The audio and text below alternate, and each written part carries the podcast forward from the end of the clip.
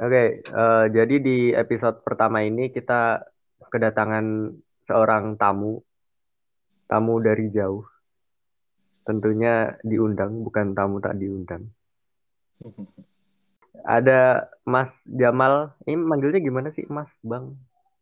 Eh, manggil Bang aja. Oke, Bang. Bang Jamal, silahkan memperkenalkan diri deh, boleh deh. Halo, eh, saya Jamaili, cuma biasa dipanggil Jamal sih. Eh, fans Madrid garis keras, cuma di sini diminta buat jadi tamu oleh fans Barca. Oh, gitu. Salam kenal semuanya. Oke, jadi cuma cuma itu doang ya perkenalannya. Iya. Enggak, tipis-tipis aja dah. Kita langsung masuk ke itu aja pembahasan. Yang pertama nih, ya tentu saja tentang Barcelona lah. Kepulangan Xavi ke Barcelona, gimana nih? Menurut narasumber.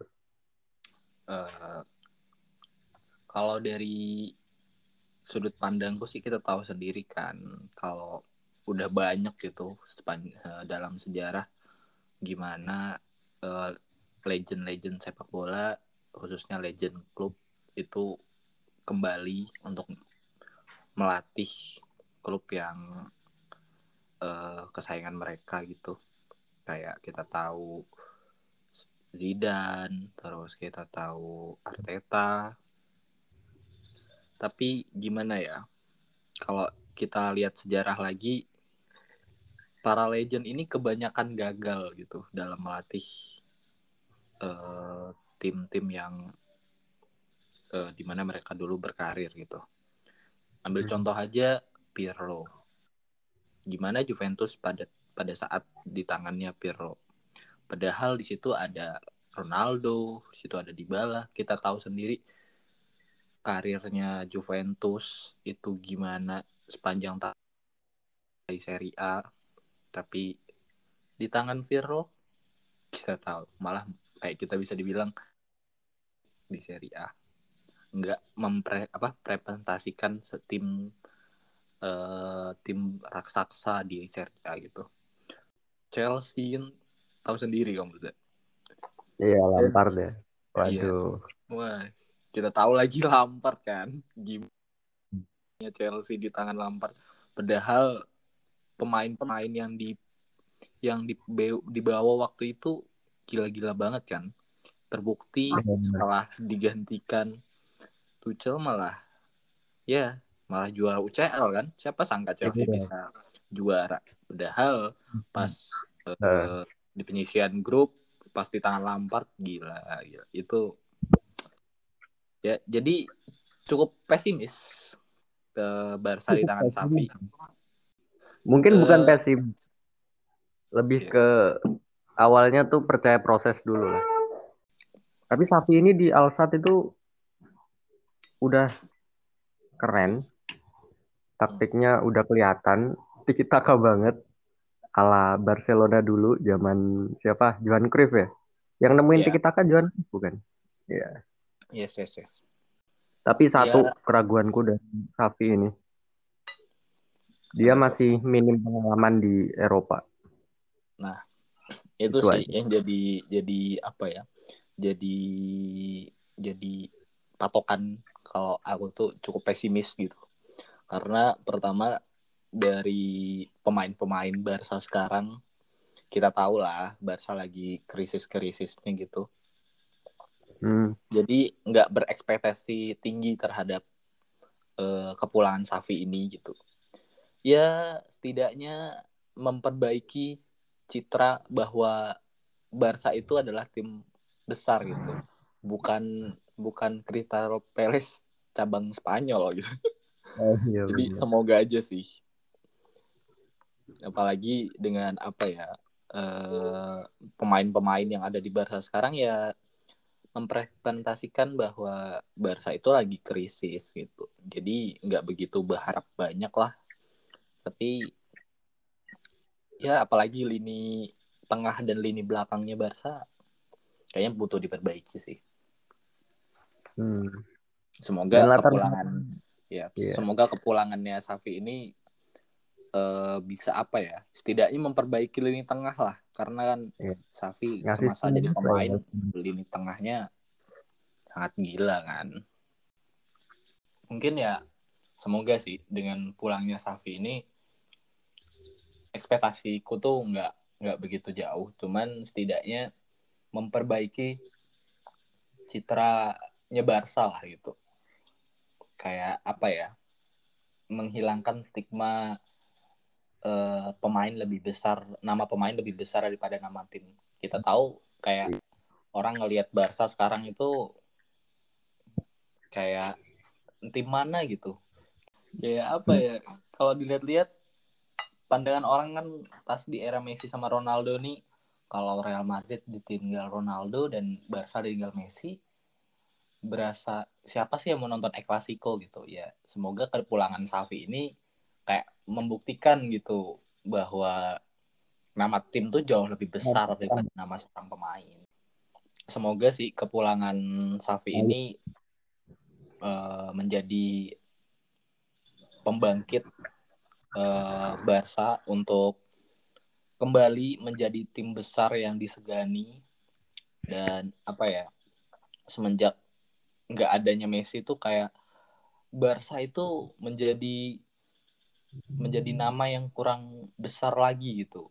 Itu kan kayak mem- me- meng- mengaminkan omongan-omongan dari banyak orang yang pencinta sepak bola ya. Kalau Iya, eh, nama pemain jauh lebih besar daripada nama tim gitu. Jadi semoga kepulangan Safi ini mematahkan statement statement itu gitu bahwa tim itu lebih besar kok dari nama seorang pemain gitu. Jadi tim kok yang yang membuat nama seorang pemain itu besar bukan nama pemain itu yang besar leb- lebih besar daripada nama tim itu sih.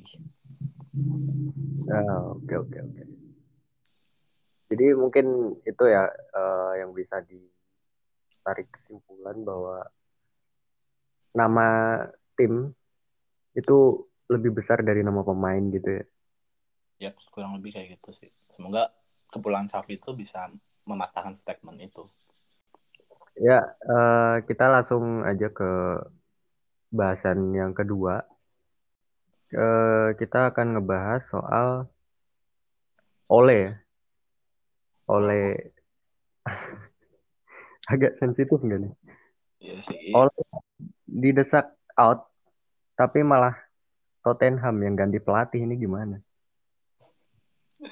Sesuai dengan omongannya Coach Justin Coach Justin. Bahwa skuadnya MU itu yang sekarang itu adalah Ferrari semua.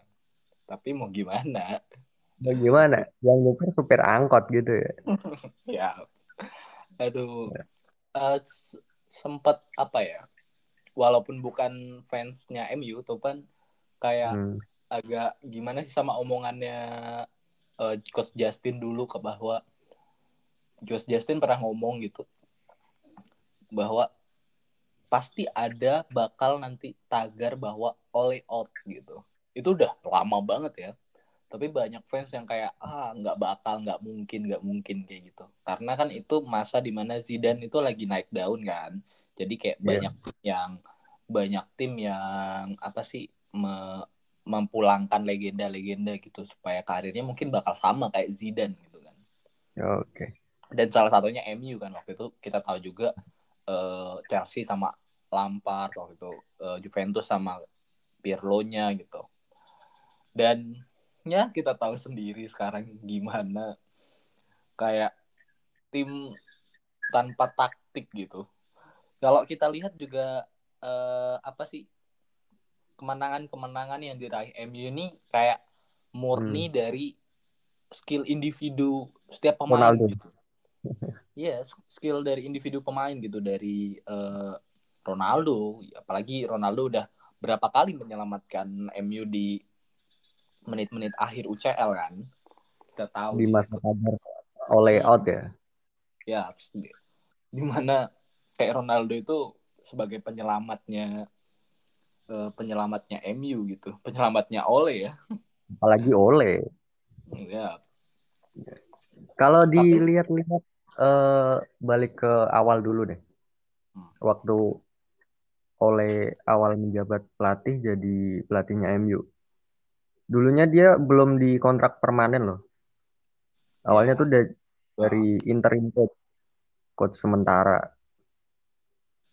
Nah, karena pas kan waktu itu ya gimana? waktu jadi interim coach itu dia dari total berapa pertandingan ya?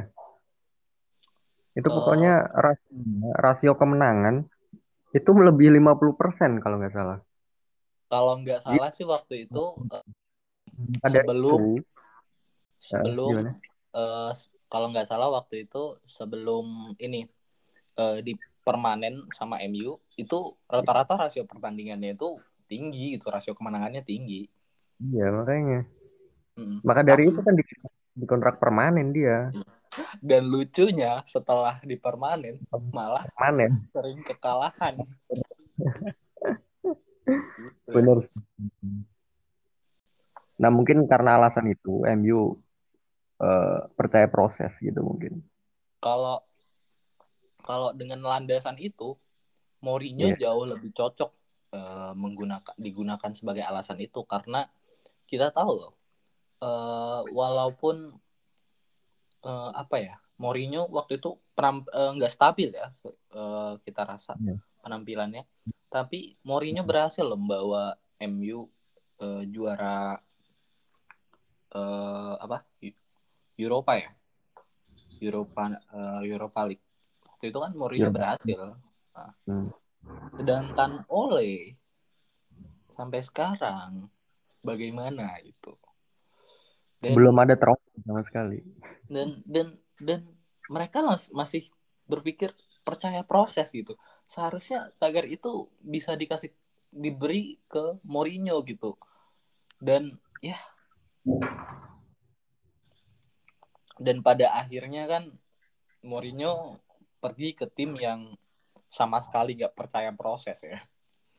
Tottenham tuh Nuno Espirito baru 17 pertandingan kalau nggak salah. hmm, Langsung di depak gitu aja. Tottenham tuh salah satu tim yang nggak percaya proses karena gila itu udah berapa kali gonta ganti pelatih. Dan setelah Mourinho pergi eh, si- aku lupa siapa sih yang gantiin Mourinho Pochettino. Dan digantikan lagi. Digantikan. Conte kan yang ngelatih. Yang cukup Hmm. lucu itu eh, aku pernah dengar statement dari Conte bahwa dulu kan pernah ditawarin sama Tottenham gitu buat ngelatih. Dan Conte itu sangat menolak melatih Tottenham. I don't know apa alasannya. Kalau nggak salah sih eh, alasannya eh, dia nggak mau ngelatih tim yang nggak percaya proses gitu. Dan Tottenham adalah tim itu kan. Dan dia dicoba kontrak. Tapi mungkin karena nilai kontrak yang tinggi ya Conte malah ngambil gitu. Dan mungkin lagi nggak ada job aja si Antonio Conte. ya. Padahal kita tahu kan Conte itu gila sih sebagai pelatih. Apalagi di di apa ya di di di Premier League ya. Udah berapa tim yang dia bawa menjuarai Premier League gitu. Tapi kita tahu juga Conte di eh, waktu itu masa Euro 2016 Iya. yang Portugal juara di Prancis gimana coba performa Italia waktu itu? Dan dengan skuad yang kayak apa ya membawa pemain-pemain yang sudah tua udah kayak waktunya pensiun gitu. Tapi bisa loh membawa Italia kayak gitu. Itu kayak membuktikan bahwa Conte itu emang pelatih yang berkualitas gitu. Dan dan lucu sih bisa pergi ke Tottenham gitu dengan statement dia yang awalnya bilang dia tidak akan pergi ke tim yang tidak mempercayai proses itu. I don't know sih apa yang membuat Conte yang sempat menolak tawaran Tottenham malah sekarang ke Tottenham gitu. Dan kabarnya ini Harry Kane nggak nggak betah nih di Tottenham. lucu sih Harry Kane nih apa ya emang seharusnya sih dari seharusnya dari apa ya dari dulu kayaknya ya dia tuh harus menyadari bahwa dia tuh Iya. salah tim gitu Salah tim performanya bagus. iya Timnya aja ya, kurang kita tahu lah rasio golnya berapa sama kayak siapa lagi kalau bukan pemain andalan timnas Korea Sung Ho Min. Kita tahu dong gimana permainannya dia apalagi gol cantiknya dulu yang bisa membawa dia ini dapat penghargaan gol gol terbaik yang Hmm. dari apa sih itu lawan apa ya? Lupa deh. West Ham ya? Atau mana itu? Oh yang soloran itu. Yaps yang gila tuh golnya itu kan kayak membuat membuktikan kualitasnya sebagai pemain gitu. Tapi malah memperpanjang kontrak dengan Tottenham. Itu mengejutkan sih. Kalau menurut saya Son Heung-min itu terlalu cinta sama Tottenham. Dan menjadi salah kan- satu pemain, salah satu pemain setahu saya yang tidak pernah dirumorkan diincar klub lain dan tidak pernah dirumorkan dia menginginkan klub lain. Itu sih. Padahal kan dia itu punya anu ya, punya apa sih namanya? Punya punya ketiket, punya kesempatan, punya kesempatan untuk menjadi legenda Asia gitu. Yang bisa Iya, bersaing sama Kagawa yang yang ibarat tuh udah mendapatkan trofi-trofi besar di Eropa gitu. Seharusnya dia udah memikirkan itu dong gitu. Bahwa untuk di apa ya? dicetak dalam sejarah sepak bola Asia gitu sebagai pemain Asia yang mungkin bisa membawa UCL, bisa membawa eh, Piala Dunia antar klub atau piala apa pun yang bergengsi di Eropa kan seharusnya dia tuh sekarang mencari hal itu gitu. Dan Tottenham bukan tim yang tim yang apa ya bisa bisa mengambil mimpi itu. Ya kita walaupun kita tahu dia sempat masuk final waktu itu secara mengejutkan. Jadi kalau kita balik tadi ya soal MU dan uh, Tottenham. Kalau dilihat gitu kenapa masih ada percaya prosesnya oleh tapi malah Tottenham yang bolak-balik ganti pelatih gitu Bener. Itu yang dibingungin. kalau dari aku pribadi sih itu Hmm. karena pertama alasannya kenapa Tottenham kayak gitu ya kita udah tahu dari dulu Tottenham itu tim yang nggak percaya proses gitu nggak menerima akan adanya proses Hmm. gitu Kalau Kalau- dilihat siapa sih pemain legendaris dari Tottenham? Tottenham punya I- pemain legend. Kurang I tahu. don't know kayaknya Harry Kane suatu saat Satu saat. Udah nggak ada trofi men di Tottenham. yes dan menurutku Harry Kane juga besar namanya karena timnas Inggris Iya benar. Tottenham itu sama gitu dengan eh, di mana liganya berjalan gitu. Sama dengan Inggris gitu. Kayak apa ya? Eh, liga mereka besar. Tottenham juga punya nama besar. Dan liga Inggris pun punya nama besar. Tapi Inggris fansnya besar. Tottenham juga bisa dibilang fansnya besar. Tapi kalau udah berbicara trofi Inggris dan Tottenham tuh punya kesamaan gitu. Kayak Oh, iya. terlalu terlalu banyak puasa gelar gitu. Waduh. Dari aku pribadi juga kayak bingung gitu. Apa yang bisa dibanggakan dari kedua tim itu gitu. Dan mengapa bisa menjadi salah satu tim besar di Inggris Big Six kan? The Big Six. Tetap masuk The Big Six. Kalau dari aku pribadi sih mungkin itu ya. Tottenham itu emang udah faktanya tim yang nggak percaya proses. Sedangkan MU Terlalu Itu- percaya proses. terlalu percaya proses sampai sampai bingung gitu Eh, pelatih mana yang terlalu ini terlalu eh, apa sih percaya bahwa ada Sir Alex Ferguson selanjutnya menurutku itu sih kalau dari MU terlalu Ya. sabar sambil menunggu Sir Alex Ferguson selanjutnya sih. Sir Alex ya. Iya, dan sampai sekarang belum menemukan akan hal itu kan. Kayaknya belum tiga tahun deh. Tapi ya performanya Ole itu nggak mencerminkan Ferguson banget. Dari taktikalnya pun Hmm. itu udah kita lah tahu sendiri loh gimana eh, kayak bobroknya MU pas lawan Liverpool. Gak usah deh jauh-jauh pas lawan City deh. Itu lini belakangnya gila banget sih. Wow. Sampai kaget tuh ngeliat lini Kita belakang bahas MU tuh. cuplikan. Ya kita bahas cuplikan pertandingannya ya. Golnya Hmm. gol kedua City yang dicetak siapa? Bernardo. Itu umpan silang dari siapa itu lupa. Kenapa dibiarkan? Itu udah bola di depan mata. Bola udah mantul ke tanah. Tapi nggak ditutup. Ya udah Bernardo Silva dengan leluasa tap in aja. Dan De Gea pun tangkapannya juga gak sempurna. Iya. Tuh sih. bingung. Dan kayaknya sesuai gitu dengan dengan cuitan banyak fans MU gitu. Iya. Eh perjuanganku mungkin sulit karena melawan penjajah, tapi perjuanganmu bakal jauh lebih sulit karena melawan Melawan back melawan back sendiri. Itu gila sih. Padahal penampilan Gea waktu itu gila banget Iya. kan. Udah gila. Mematahkan keren. banyak banyak mematahkan serangan serangan City. Tapi mau bagaimana?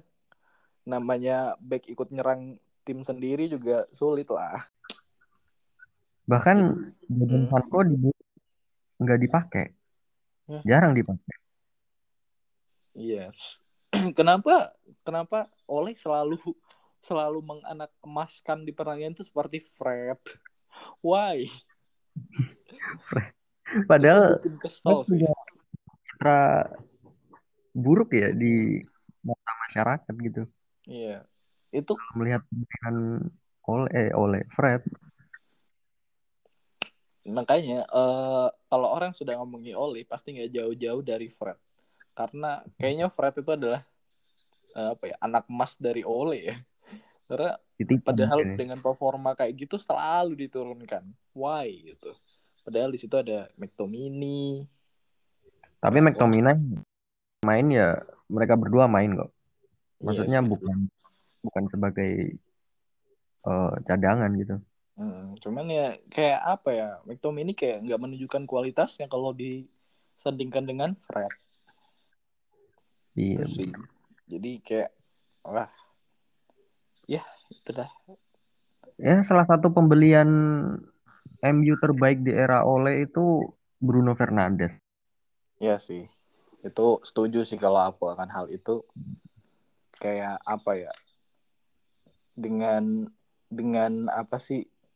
Eh, walaupun kita tahu oleh dengan nol taktik cuman kalau apa sih pembelian terhadap Bruno itu emang cemerlang banget gitu Ya mungkin kesimpulannya bahasan kita itu Ole sebenarnya bentar aku nanya lagi deh.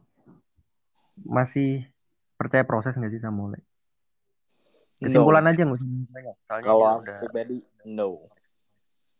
Kalau dari aku No pribadi udah no. Emang Oli emang harus digantikan sih. Apalagi dengan squad yang sekarang kayaknya jangan sampai telat deh ganti pelatihnya. Sayang dengan squadnya gitu. iya benar.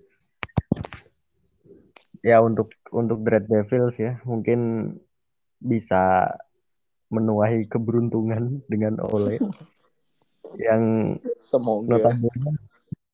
the next Sir Alex ya kalau sabar dan kalau percaya dan kalau olehnya bisa dipercaya juga. Ya semoga.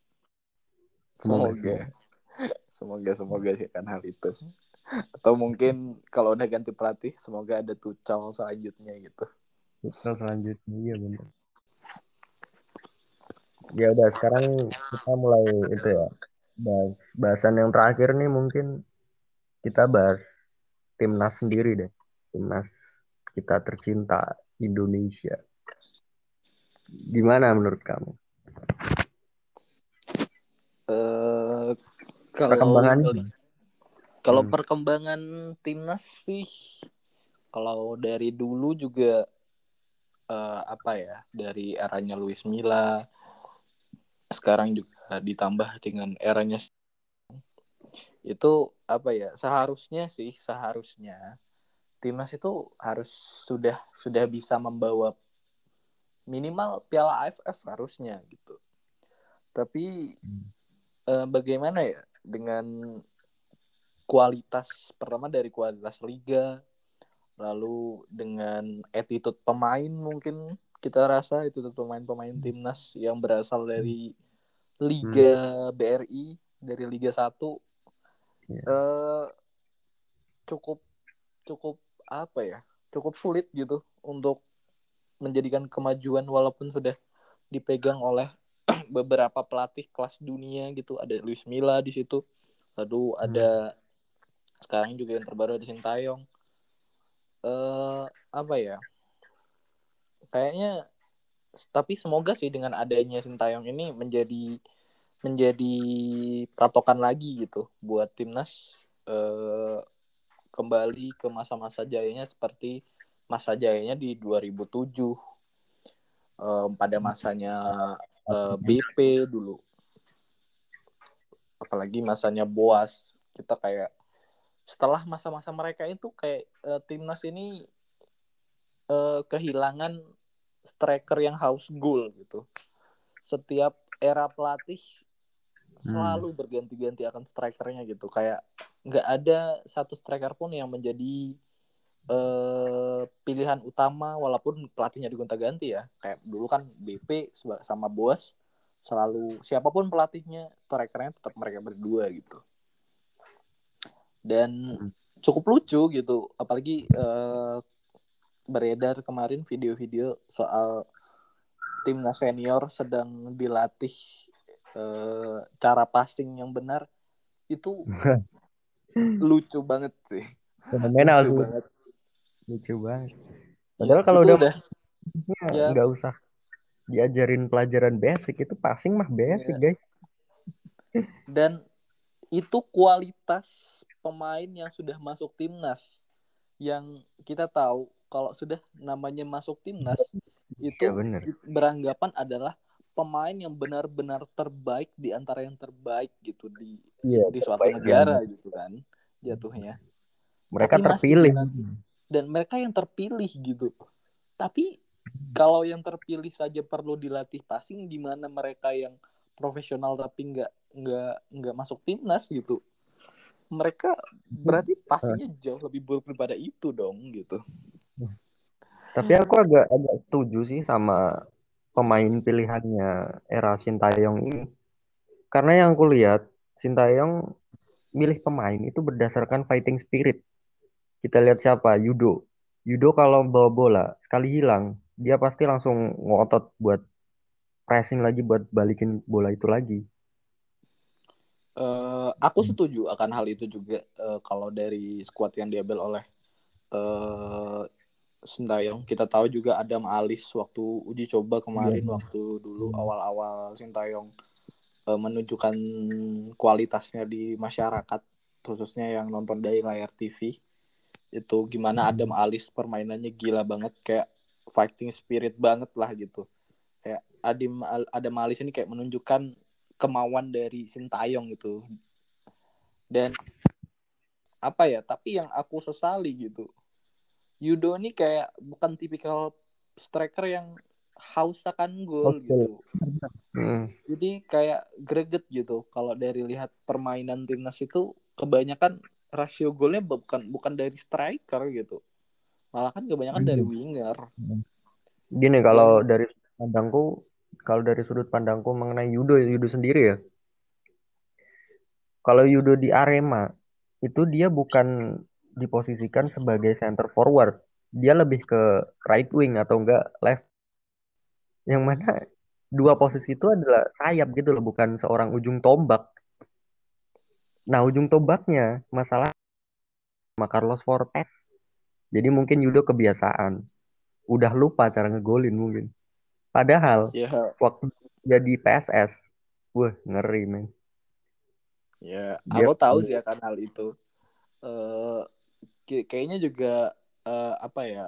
karena mungkin kita di liga kita kebanyakan tim-tim selalu menggunakan striker yang berasal dari luar.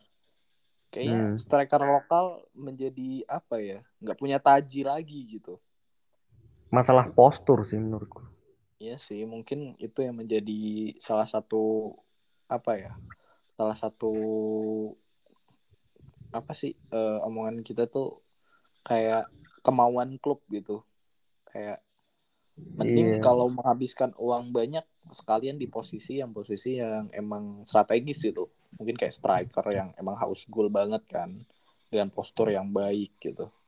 Iya ben. Dan kalau dari sudut lain soal timnas juga apa ya di era Sintayong mungkin eh, lini lini belakang dan lini belakang jauh lebih matang kayaknya ya kayak jauh lebih baik daripada sebelumnya eh dari gaya permainan juga gila banget sih dengan apa ya satu duanya yang eh back back itu yang keren lagi back ikut ikut apa ya back serasa gelandang gitu ya. Kayak maju mundur maju mundur. Apalagi kemarin pas lawan Taiwan mungkin yang kita lihat Hmm, gimana benar. Asnawi gimana Rahmat Irianto itu mainnya gila banget Betul terus gimana lagi back back muda kita kita tahu di situ ada Rido Hmm, itu Dewangi.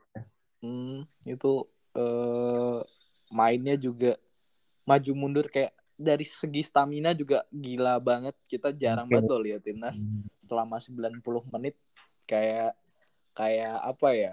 Kayak orang yang nggak punya capek gitu. Sa itu itu menurutku perubahan yang signifikan banget sih. Apalagi dulu kita tahu kan waktu eh, masa-masa kualifikasi Piala Dunia awal-awal yang lawan Malaysia bisa di comeback 3-2 cuma gara-gara kalah stamina itu Stamina, iya. merugikan banget sih gila Hmm, apalagi gol ketiganya Malaysia waktu itu kayak backnya jatuh-jatuh terus gimana banyak pemain kita mengalami eh, kram wah Iya. lucu sih itu Awal eh, Hmm, itu awal-awal. Dan setelah Sintayong eh, masuk pertama kali ke timnas hal apa yang yang bikin lucu malah hal yang bikin apa ya sampai seorang fans terus eh, membuli pemain itu perkara makanan doang. Pola makanan pola hidup yang masih makan gorengan aduh bukan mencerminkan seorang atlet banget ya. Jadi kalau dari kita tahu gaji gaji Sintayong cukup besar ya. Sekitar 2 miliaran lebih. I don't know sih berapa pastinya. Tapi menurutku itu masih kurang ya. Itu masih- Sintayong. iya itu masih kurang skala Sintayong. Apalagi melatih timnas yang memper eh, yang masuk malah memperbaiki datang bukan untuk taktikal malah datang melat eh, untuk Mhm. memperbaiki hal-hal dasar gitu kayak passing pola hidup eh melatih cara eh, apa ya latihan atlet yang sesungguhnya gitu itu menurutku iya. Sintayong masuk ke Indonesia itu datang bukan untuk melanjutkan, tapi datang untuk membangun kalau menurutku. Karena kita ini belum bangun-bangun. Tapi masalahnya hal itu udah terjadi dari sekian pelatih. Selalu pelatih itu masuk melakukan hal yang sama gitu. Tapi setelah pelatih itu out. Lalu ada kekosongan mungkin kayak kekosongan itu dilatih oleh tim pelatih lokal. Pola Pelatih hal lokal. yang sama. Kembali lagi gitu. Kita contoh deh Luis Milla lo capek-capek bikin eh, filosofi sepak bola. Iya benar. Gimana- Ah, itu mau bahas. Kamu Nah, iya. Ya, gimana lanjut. buku itu gimana buku itu sebagai acuan sepak bola timnas eh, dengan target masuk Piala Dunia 2034 itu bukunya loh itu itu tiket yang diberikan lu oleh Luis Milla kepada sepak bola kita lalu setelah ada pemecatan di situ lalu digantikan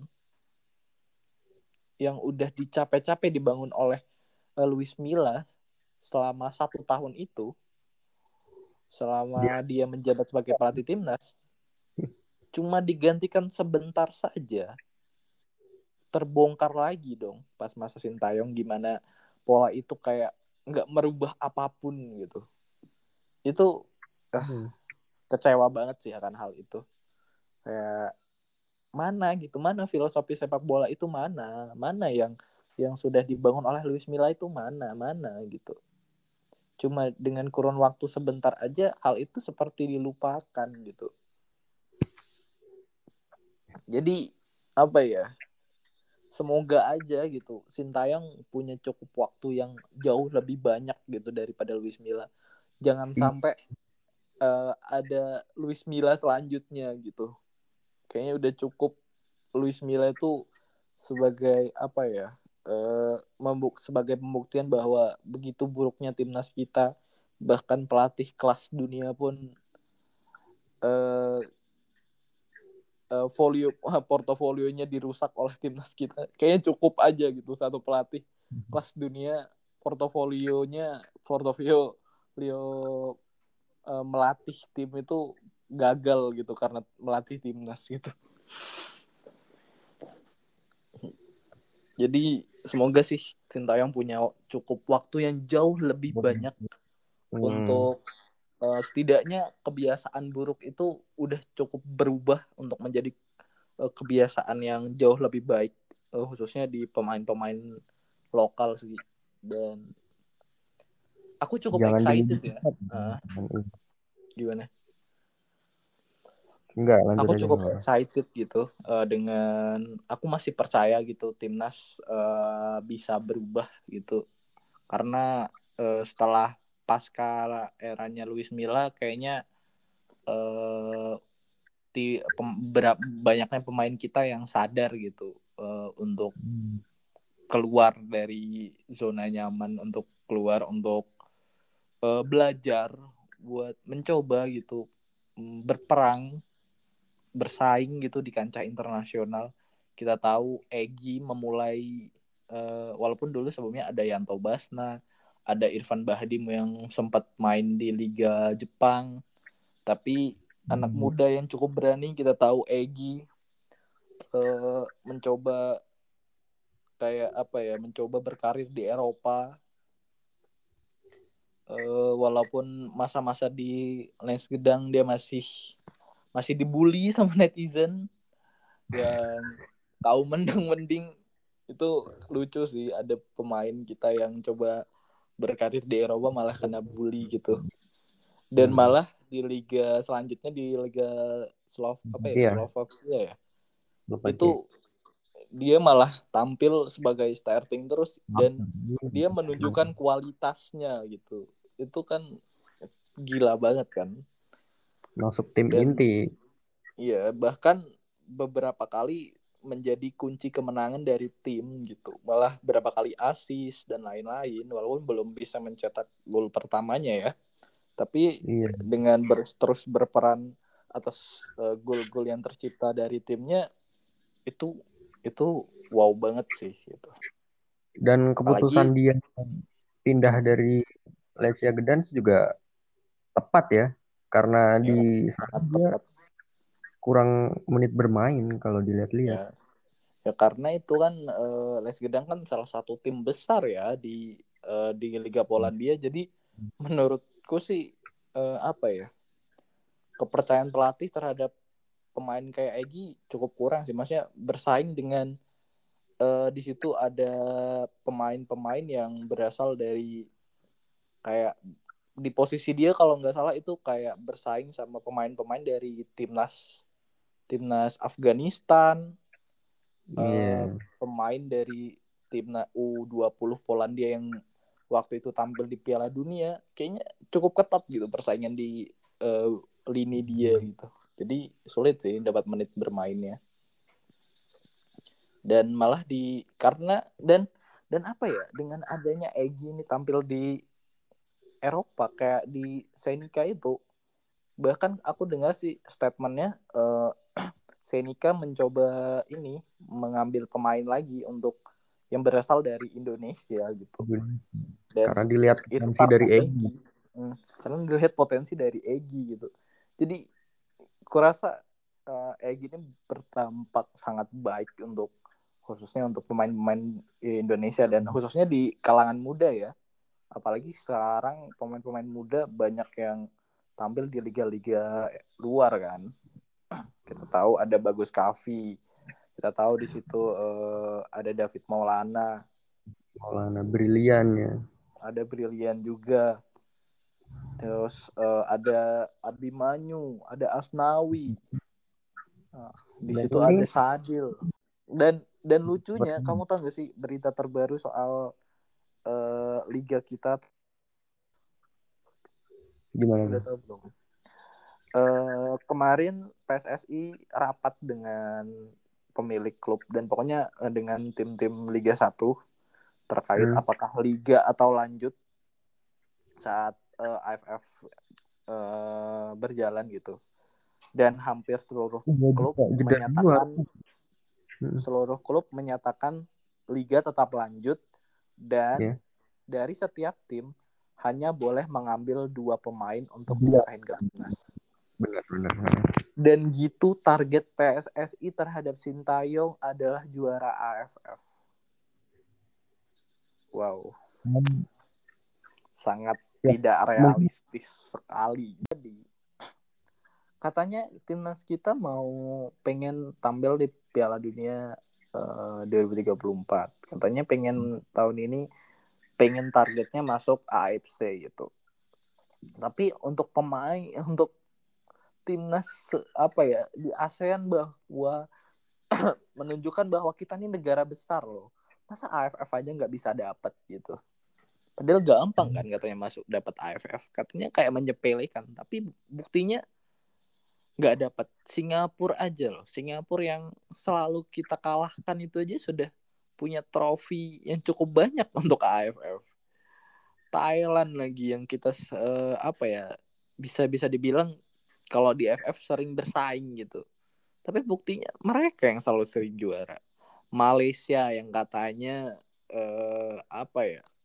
Kayak tim yang selalu menjadi musuh bebuyutan kita yang hmm. selalu kita eh, netizennya selalu debat tapi kita selalu kalah debat kalau sudah mengenai trofi dan Kayaknya Udah. yang bilang AFF itu nggak penting ya. gitu. Hmm. Belum belum tahu aja mungkin gimana. Dan uh, dan kita nggak mau itu karena kita Piala AFF. Uh, apa ya? Orang dulu tim-tim Asia lain menganggap dulu tim-tim ASEAN itu bahwa ASEAN itu tim-tim apa ya lemah lah gitu. Sepak bola ASEAN itu masih di bawah tim-tim as, uh, timnas Asia lainnya lah gitu ya. Jadi AFF itu nggak bakal kesorot lah. Padahal kan hmm. sekarang kita tahu Australia malah mengajukan ikut berpartisipasi lagi di Piala AFF hmm. uh, under under under kayak uh, usia bawah gitu kecuali seniornya karena menganggap apa padahal karena menganggap apa AFF sekarang sudah berkelas. Uh, Asia uh, Asia Tenggara sekarang punya Taji. Vietnam aja selalu sudah bersaing gitu di kualifikasi Piala Dunia walaupun sekarang uh, selalu mengenalan kekalahan. Itu kan tapi kan itu membuktikan bahwa uh, sepak bola Asia Tenggara ini uh, apa ya? Uh, sepak punya bola potensi. Asia punya potensi. Kita tahu uh, dengan secara mengejutkan uh, walaupun dibatalkan ya uh, Kamboja U19 atau ya hmm. Kamboja U19 lolos ke Piala Asia di 2000 uh, untuk U2020 U20 eh U19 di tahun 2020 walaupun hmm. uh, dibatalkan hmm. tapi Kamboja bisa lolos loh. Lalu kita tahu ma, uh, Laos juga cukup bersaing di kualifikasi Piala Asia U23 kemarin. Lalu ada Thailand U undernya ada Vietnam ada Indonesia yang di usia under sangat bersaing Hmm. banget itu kan membuktikan bahwa eh, AFF ini bakal menjadi tontonan yang penting gitu. Atau kayak Hmm. ajang yang penting gitu suatu saat nanti. Dan masa sih dalam sejarah kita belum bisa mendapatkan AFF ini? Kayak lucu gitu puasa gelar AFF untuk tim katanya besar banget itu.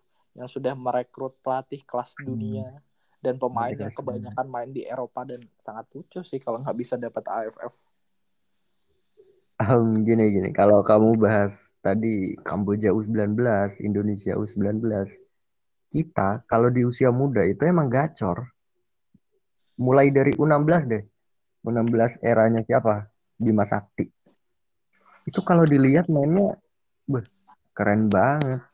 Cuma nanti kalau udah masuk ke usia 23 atau enggak eh, senior, udah melempem mereka. Gimana Ya. coba? ya itu sih seharusnya menjadi pembelajaran buat timnas kita gitu kalau terlalu cepat berpuas diri gitu kita Hmm. tahu dulu kan masanya Evan Dimas menjuarai. AFF dan Iya. lolos ke Piala Asia dan menang menang mengejutkan terhadap Korea Selatan waktu itu kita tahu kita kenal sangat kenal baik terhadap salah satu pemainnya itu Maldini Pali di situ. Ya. Sekarang Lalu ke mana? situ pada ke mana loh? Padahal mereka dulu ada tur Spanyol yang menghadapi eh, Barcelona B kalau nggak salah dan di situ salah satu pemain yang ikut main di situ ada Suarez. Tapi ke mana mereka ke mana gitu? Seharusnya itu menjadi pukulan gitu bahwa di usia under mereka itu pemain yang berkualitas gitu. di usia muda Tapi- mereka itu emas. Tapi mengapa? kalau udah Mengapa? beranjak deh, mereka itu kayak udahlah, aku udah di level ini. Mungkin kayak gitu ya mereka. Tahu tahu nggak sih kalau kalau di eh, liga li atau di timnas lain kayak Eropa kayak Jerman gitu, kayak pemain Hmm. under mereka tuh kayak nggak ada yang mencolok, maksudnya kayak disorot media banget gitu. Tapi kalau ada di timnas kita, eh, di- udah kalau di under dan menjuara atau apa pun itu, pasti kayak gampang banget tersorot media dan tau nggak sih berasa mereka masuk senior tuh udah berasa masa pensiun gitu kayak nggak terlalu nggak punya taring mungkin mungkin mereka itu terlalu dipuja. Ya boleh apresiasi boleh. Tapi kalau overproud jatuhnya juga jadi nggak baik. nah kayaknya itu menjadi masalah kita dan apa ya eh menurutku sih semoga gitu kalau targetnya juara AFF tahun ini eh, semoga eh, apa ya eh, membuktikan gitu juara AFF senior lebih lebih menyenangkan kok daripada juara AFF di usia under gitu semoga sih jadi Iya. eh, juara AFF di senior ini sebagai apa ya sebagai patokan gitu bahwa Hmm. menjuari menjuarai event di kancah timnas senior itu jauh lebih membanggakan daripada se- usia daripada daripada punya bio Instagram yang isinya yang bionya isinya juara AFF U22 gitu. Jadi kayaknya terlalu banyak yang perlu diperbaiki di timnas kita. Dan seharusnya ini jadi bentuk kesadaran dari klub sih, bukan dari timnasnya. Yang salah ini kebanyakan menurutku dari aku pribadi sih klub. Seharusnya klub ini yang menjadi apa ya? patokan sebagai untuk kualitas dari pemain yang bakal terjun di timnas gitu. Jadi klub itu apa ya? Eh seharusnya klub itulah yang eh, memperbaiki dari individu individu, eh, individu pemain untuk diserah mengapa malah timnasnya yang untuk diserahin ke klub gitu. Itu cukup lucu sih. Kebalik ya jadinya. Ya jadinya kebalik gitu. Dan semoga sih dengan adanya Sintayong ini menjadi apa ya menjadi acuan lah bagi klub-klub bagaimana cara melatih pemain yang benar gitu. Padahal kan kalau nggak salah kebanyakan juga eh, dari liga kita itu pelatihnya kan kebanyakan dari luar gitu masa sih eh, mereka nggak punya kesempatan atau masa sih mereka nggak melihat gitu bahwa pemain mereka dari klub mereka tuh banyak passingnya salah gitu Nah, dari regulasi klub eh, regulasi liga kita yang mengharuskan ada pemain asing itu harusnya dipakai untuk menstandarisasi liga kita kepada eh, terhadap liga-liga luar gitu loh. Jadi pemain asing yang masuk ini tuh bisa untuk memacu para pemain-pemain lain buat ini loh kamu harus selevel sama aku kayak gitu. Itu nah harus itulah. Dan kita tahu loh malah kayak ini eh, Muhammad Id yang pernah main di Persebaya malah keluar sekarang menjuarai eh, AFC bersama timnya yang baru itu dari Qatar lupa nama klubnya apa. Kenapa mereka nggak belajar dari itu gitu. Terus kita tahu pelatih Bayangkara sekarang lagi diincar sama eh, salah satu tim dari Liga 2 Inggris. Oh. dan wow itu kan walaupun dia pem- eh, pelatih eh, dari luar ya tapi kita tahu kan performa Bayangkara gimana. Dan dan semoga itu kan pelatihnya kan berkualitas sampai diincar oleh eh, tim dari Liga 2 Inggris kan itu masa Iya. sih nggak merasa sih em, pelatih kelas kayak gitu nggak menyadari bahwa pemain yang berada di klubnya itu punya kekurangan punya kekurangan yang cukup cukup apa ya cukup besar gitu di bagian dasar sepak bola yaitu passing dan lain-lain gitu Hmm. Jadi semoga gitu dengan adanya Sintayong ini menjadi pukulan terhadap pelatih-pelatih khususnya pelatih klub di Liga Indonesia untuk memperbaiki hal-hal dasar gitu. Oke. Jadi Itu sih. simpulannya ini Sintayong harus dipertahanin dulu ya, jangan langsung di main di putus kontrak gitu aja. Iya. Kita harus ngelihat Gitu. dulu nih. Harus ngelihat dulu perkembangan timnas ini nantinya mau kayak gimana. Karena baru sebiji jagung lah Sintayong ini Iya. belum bisa diambil keputusan apa-apa gitu loh. Ya udah Yes. biarin mereka dulu. Dan isunya sih bahwa Sintayong bakal dievaluasi setelah eh, setelah hasil AFF dan itu cukup lucu sih menurutku. Dan semoga sih eh, PSSI-nya ya cukup mengerti lah keadaan sepak bola kita jangan sampai Sintayong ini menjadi Luis Milla selanjutnya yang diputus kontrak dengan jangka waktu pendek gitu. Kalau Luis Milla sih menurutku waktu itu gara-gara finansial. Gajinya mungkin terlalu besar untuk ukuran PSSI. Ya mungkin sih, tapi ah, dengan hasil yang didapat oleh Luis Milla seharusnya cukup cukup apa ya cukup baik gitu, apalagi sampai Iya. menciptakan kurikulum sepak bola di Indonesia.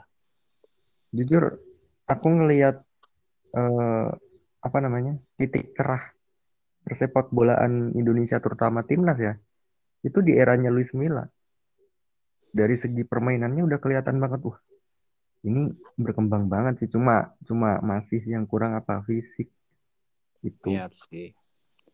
Eh, emang sih emang enak banget kalau udah ngelihat eh, performanya eh, di era Luis Milla itu kayak ini kayaknya masa kebangkitannya timnas deh gitu. Iya. Walaupun eh, sering kalah ya kalau udah ketemu dengan tim-tim Timur Tengah gitu. Nah, Cuman kayak cuma apa ya? kita bisa bermain lah. Kayak nggak kayak ibarat tuh timnas tuh nggak kayak dulu deh gitu yang sampai dibantai Bahrain 10-0. Hmm, hmm, benar. Hmm. kayak bisa bersaing gitu dengan tim-tim Timur Tengah gitu. Iya, kita ngasih perlawanan lah seenggaknya. Ya, Dan- dulu waktu itu comeback lawan Qatar. Awalnya Iya. berapa? 5-1 kan? Hmm. Sampai kita 5. Dia- itu kan menunjukkan bahwa kita tuh sebenarnya bisa bersaing banget sama tim-tim Timur Tengah gitu. Iya. Cuma bagaimana gitu. Kesalahan apa ya? Permasalahan di sepak bola timnas kita ini cukup kompleks gitu. Iya, aku aku tuh kemarin pas lawan terakhir lawan Aussie ya. Ya, Aku bakal banget sama yang namanya postur, Pak. Kayak aduh, ini PR banget sih buat sepak bola kita. Iya selain postur kayaknya salah satu permasalahannya adalah passing sih waktu itu. Iya benar. Passing Terlalu sama banyak salah passing. dan kita tuh nggak berani pressing. Ya, Ini eh, setahu gue ya, aku pernah baca tuh Sintayong bilang gini, pemain kita itu sudah takut sebelum bertanding pas lawan Aussie kemarin. ya Gimana? bagaimana? Iya, makanya aku juga bingung.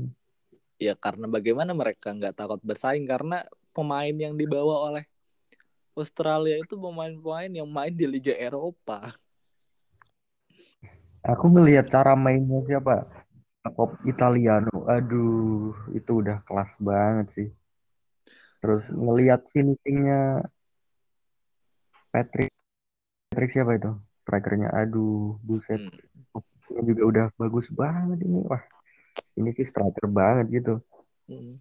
Aku ng- ngelihat gaya bermainannya Australia kemarin tuh aja udah kayak pengen ngedukung Australia aja.